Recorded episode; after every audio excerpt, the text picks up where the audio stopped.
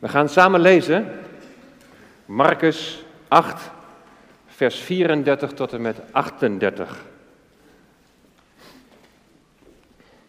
Hetzelfde gedeelte als vorige week.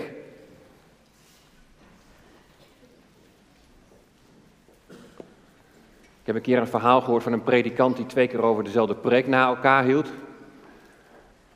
Toen zeiden ja, jullie hebben de eerste keer niet geluisterd. Nou, in dit geval is het een vervolg. Het gaat er niet om dat jullie niet geluisterd hebben, maar er zit nog meer in dit Bijbelgedeelte wat we met elkaar willen overdenken. En toen hij, en dat is de Heer Jezus, de menigte met zijn discipelen bij zich geroepen had, zei hij tegen hen: Laat wie achter mij wil komen, zichzelf verloochenen, zijn kruis opnemen en mij volgen. Want wie zijn leven zal willen behouden, die zal het verliezen. Maar wie zijn leven zal verliezen omwille van mij en om het evangelie, die zal het behouden. Want wat zal het een mens baten als hij heel de wereld wint en aan zijn ziel schade leidt? Of wat zal een mens geven als losprijs voor zijn ziel? Want wie zich voor mij en mijn woorden geschaamd zal hebben in dit overspelig en zondige geslacht, voor hem zal de zoon des mensen zich ook schamen wanneer hij zal komen in de heerlijkheid van zijn Vader met de heilige engelen. Tot zover uit het woord van God.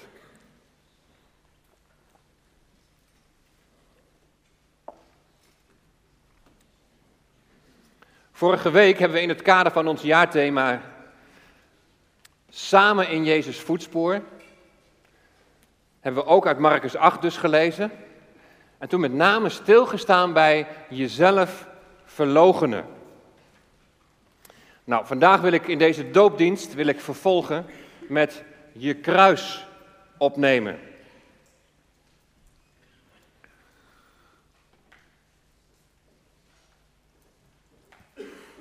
Je zou kunnen zeggen dat je kruis opnemen een andere manier van uitdrukken is dat je jezelf moet verlogenen.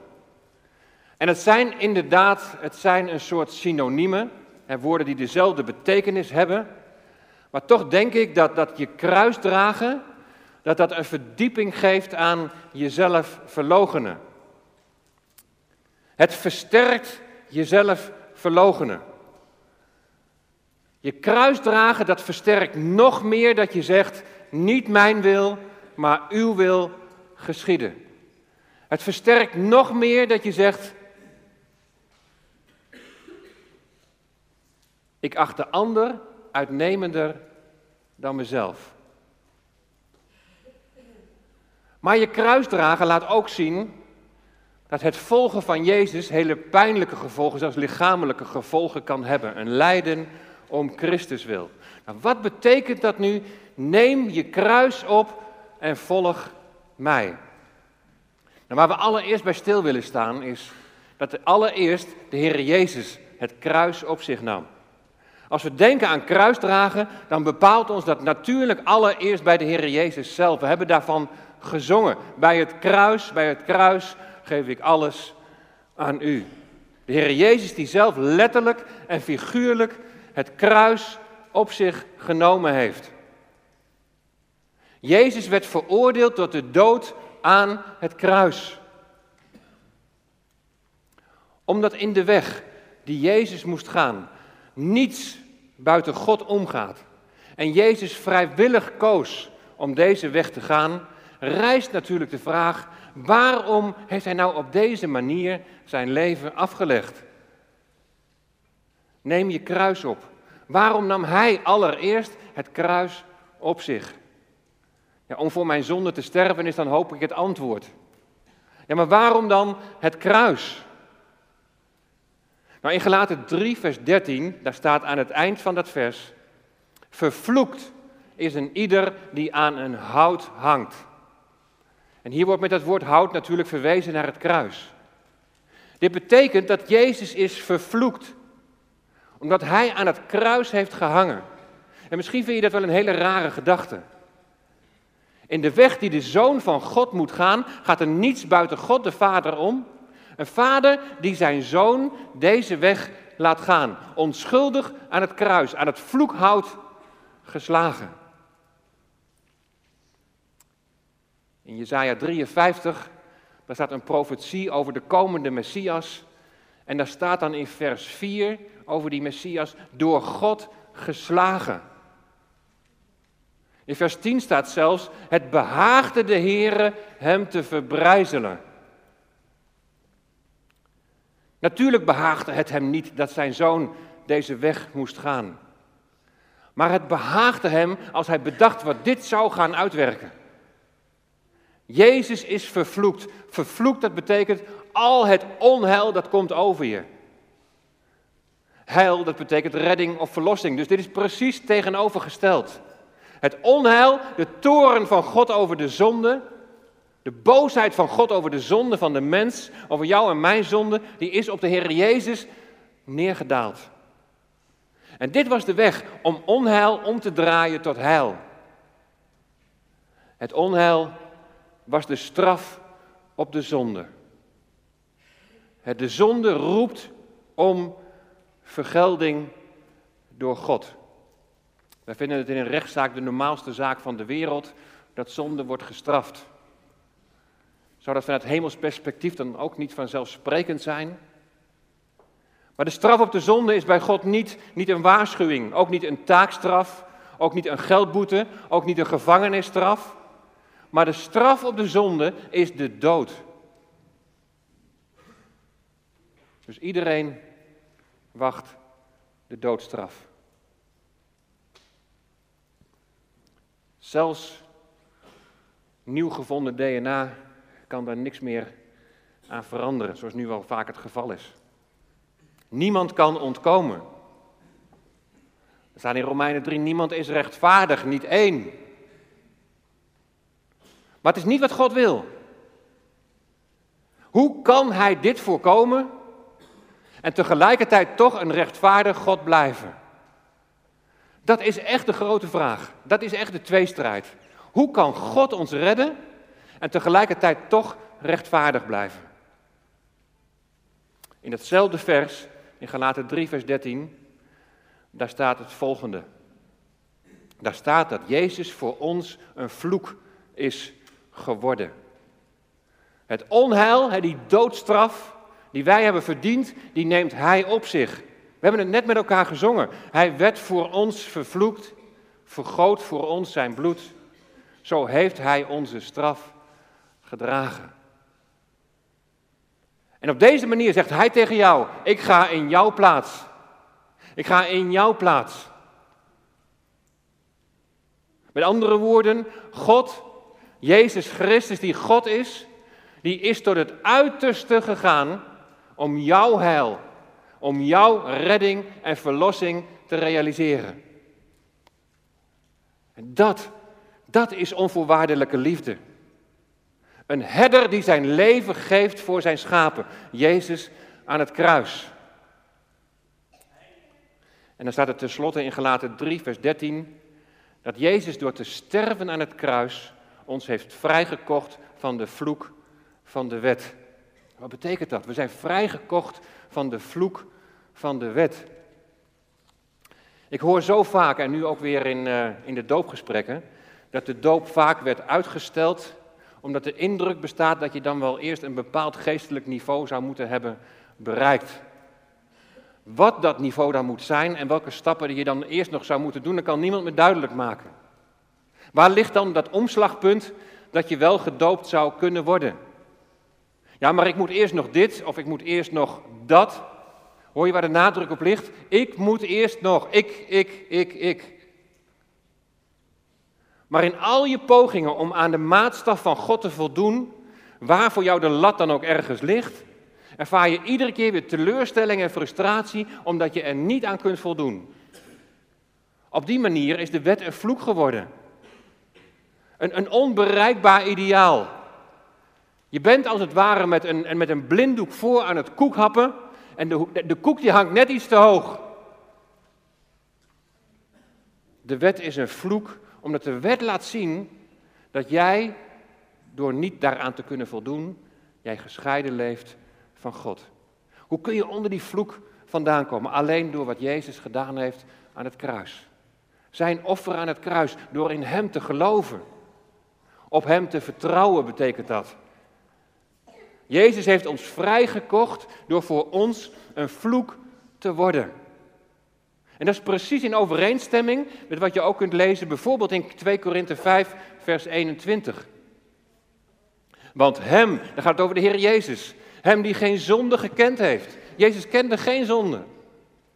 Die heeft Hij, de Heere God, voor ons, dus Hij heeft de Heer Jezus voor ons tot zonde gemaakt. Opdat wij zouden worden gerechtigheid van God in Hem. Opdat wij vrijspraak zouden ontvangen. Jezus die volmaakt was, die is aan de mens gelijk geworden. Daardoor aan ons gelijk geworden als zondaar, echter zonder te zondigen. Op die tussen aanhalingstekens zondaar, die niet zondigde, werd de zonde van deze wereld gelegd. En zo werd hij tot zonde gemaakt en werd hij vervloekt. Hij. In jouw plaats. In mijn plaats.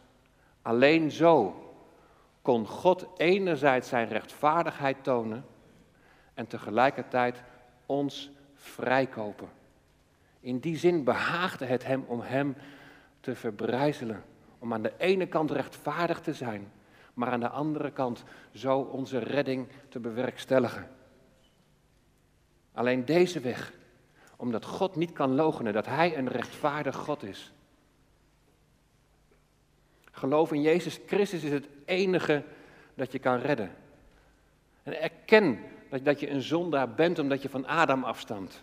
Je bent van nature afgesneden van die relatie met God. En je kunt nooit aan zijn wet voldoen. En de wet is eigenlijk ook gegeven om uiteindelijk tot het punt te komen dat je zegt, vlucht tot Jezus. Dat is de enige uitkomst. Kom tot Hem, de levende steen. En dan laat je je niet dopen omdat je een bepaalde mate van volmaaktheid hebt bereikt. Maar dan laat je je dopen omdat je in, de, het diepst van je wezen weet dat je onvolmaakt bent en dat je weet dat je schuldig tegenover God staat. En de doop is zo'n bijzonder moment van overgave. Waarin je beleidt door geloof in u, wat ik van u als geschenk heb ontvangen. Nou, Simon heeft het zo mooi voorgelezen bij de inleiding. Hij zocht ons eerst, we hebben het geloof van hem mogen ontvangen. En in dat geloof ben ik met u gestorven, want ik kon en kan van mezelf op geen enkele manier aan uw maatstaf voldoen.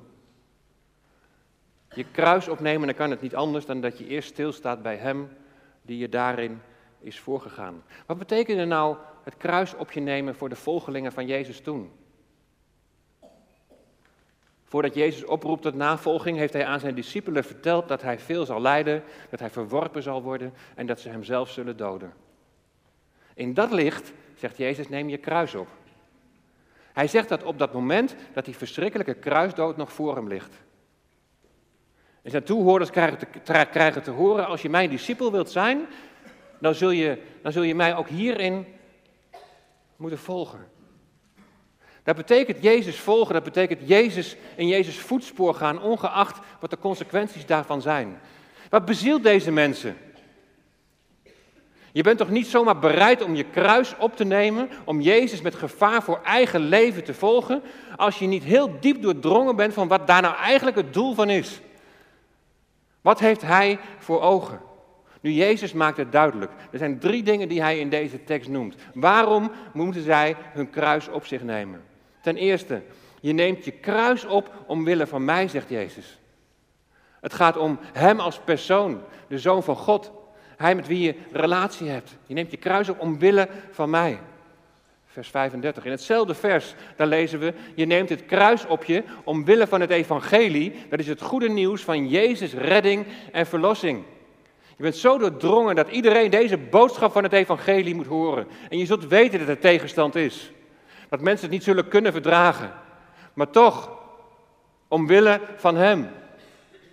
En dat staat er als derde, en dat staat in vers 38.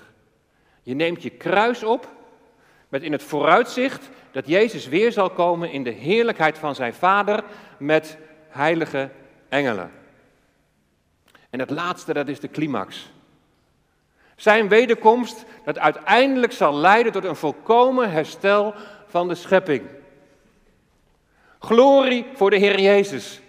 Hij die het koningschap heeft aanvaard en het koningschap weer overdraagt aan de Vader. En Gods heerschappij, daar zal geen plaats zijn voor rouw, voor tranen, maar volmaakte harmonie, eenheid en liefde zal er zijn. Volkomen herstel van Gods schepping.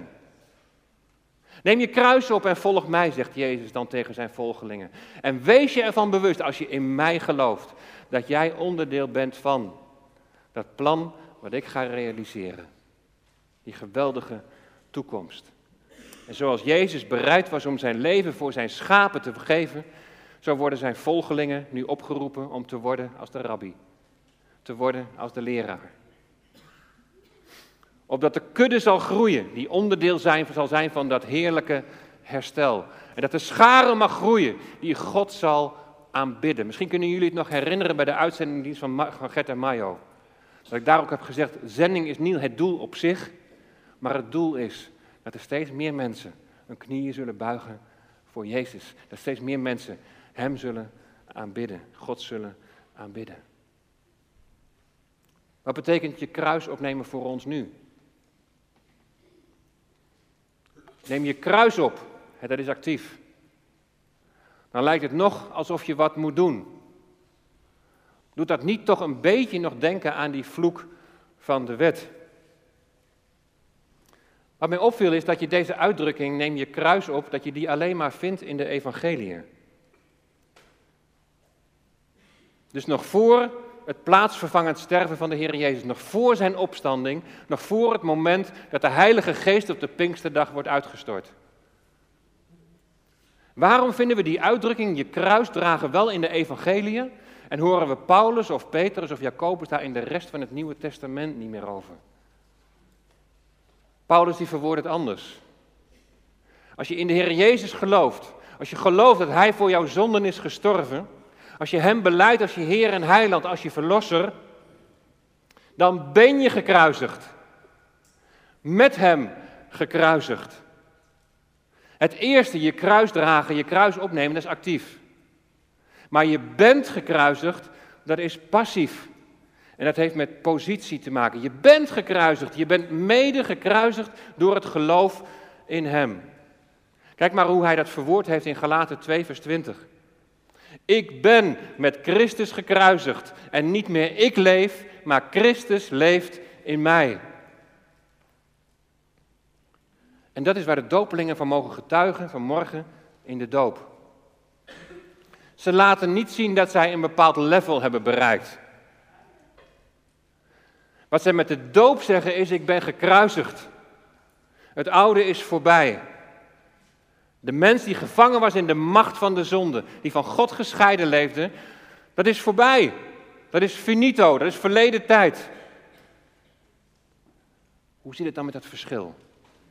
Je kruis opnemen in de evangelie en gekruisigd zijn in de situatie na Jezus sterven en opstanding en na Pinksteren. Is het dan zo dat het na Pinkster alleen maar een, een passieve situatie is? Nou ja, ik ben gekruisigd. Oké, nou ja, dat actieve je kruis opnemen, dat hoeft dan niet meer. Nou, als ik de Bijbel lees en de brieven lees, dan zie ik een heel ander beeld. Lees maar de eerste Petrusbrief. Petrus die schrijft deze brief aan gelovigen om ze te bemoedigen omdat ze in het vuur van de beproeving terechtkomen. Er is zeker sprake van lijden. Je hoeft een boekje van Open Doors maar door te lezen.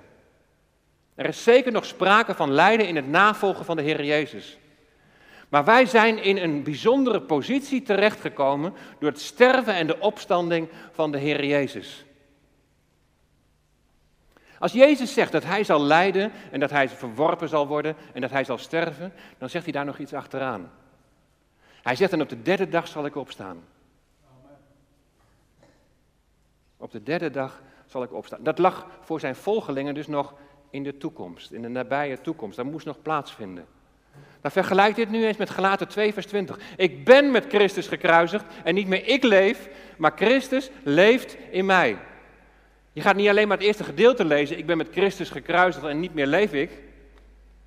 Daar houdt het niet op. Nee, daar lezen we verder, maar Christus leeft in mij. Het oude is voorbij, je bent gekruisigd, Je bent daarin één geworden met de Heer Jezus Christus, maar je bent ook één geworden met Hem in Zijn opstanding. Je hebt nieuw leven ontvangen. Door de Heilige Geest in je bewerkt. Het is een nieuwe geboorte. En het is de Heilige Geest in je die Zijn opstandingskracht wil laten ervaren. Het is de kracht van de Heilige Geest die je in staat stelt om in Jezus voetspoor te gaan. Die je kracht geeft als je ook in die navolgingsstrijd zult ervaren. Als dat lijden om Christus wil het gevolg is. We gaan zo meteen gaan we met elkaar gaan we opwekking 802 zingen. En die verwoordt het zo mooi. Met je kruis opnemen zeg je met de woorden van dit lied: Hier is mijn hart, Heer. Ik ben van u. Ik ben aanvaard, ik ben geliefd en puur gemaakt. Dat zegt iemand die een nieuwe schepping is. Ik leef opnieuw en ik adem in. Ik vind herstel en een nieuw begin. Dan moet je nou eerst aan die maatstaf, die hoge maatstaf voldoen voordat je gedoopt wordt. Maar dan negeer je het kruis. Dan, dan negeer je eigenlijk de Heer Jezus. Juist omdat je daar niet aan voldoet, heb je Hem nodig. Christine, jij hebt dit lied 802 eh, heb jij eh, op uitgezocht. En jij beleidt met dit lied, en het verwijt bij opwekkingsliederen is nog wel eens een ik-gerichtheid. Maar hier beleiden we met dit lied, u bent sterk, u behoudt, u vergeeft, u bent trouw, u bent licht, schijn in mij, u die leeft, leef in mij. Nadat jij en Lummy en uh, Maarten en Vincent, dat jullie echt die opstandingskracht van de Heer Jezus ook in jullie dagelijkse leven zullen mogen ervaren. U die leeft, leef in mij. Niet meer ik, maar Christus leeft in mij. En het refrein zegt, hier is mijn leven, spreek uw waarheid binnen in mij. En dit is in het korte samenvatting eigenlijk van deze preek. Je kruis opnemen is zeggen, Heer, hier is mijn leven. En spreek uw waarheid in mij.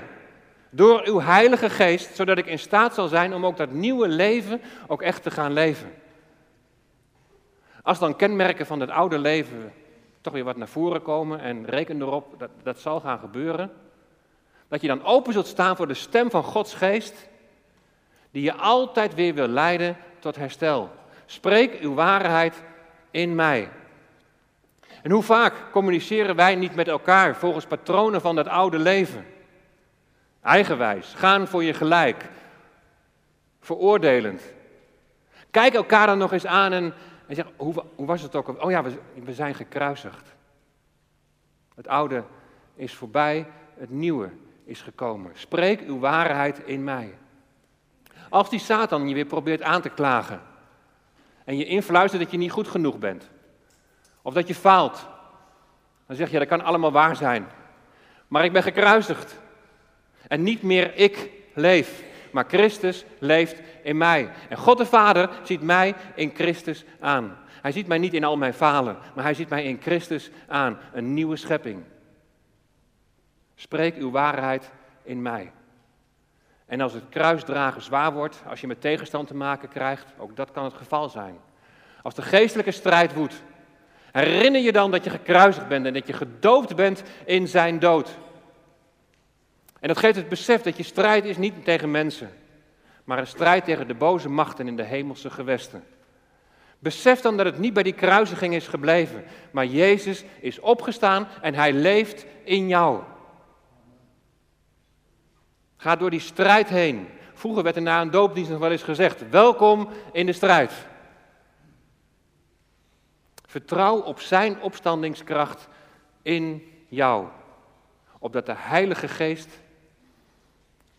in moeilijke omstandigheden, die ook niet aan jullie voorbij zullen gaan, je trooster zal zijn en dat Hij zal getuigen van de Heer Jezus Christus. Het grote verschil met het Bijbelgedeelte dat wij hebben gelezen is dat wij in een positie zijn van gestorven en opgestaan. We zijn een nieuwe schepping. En in de opstandingskracht van de Heer Jezus mogen we gaan.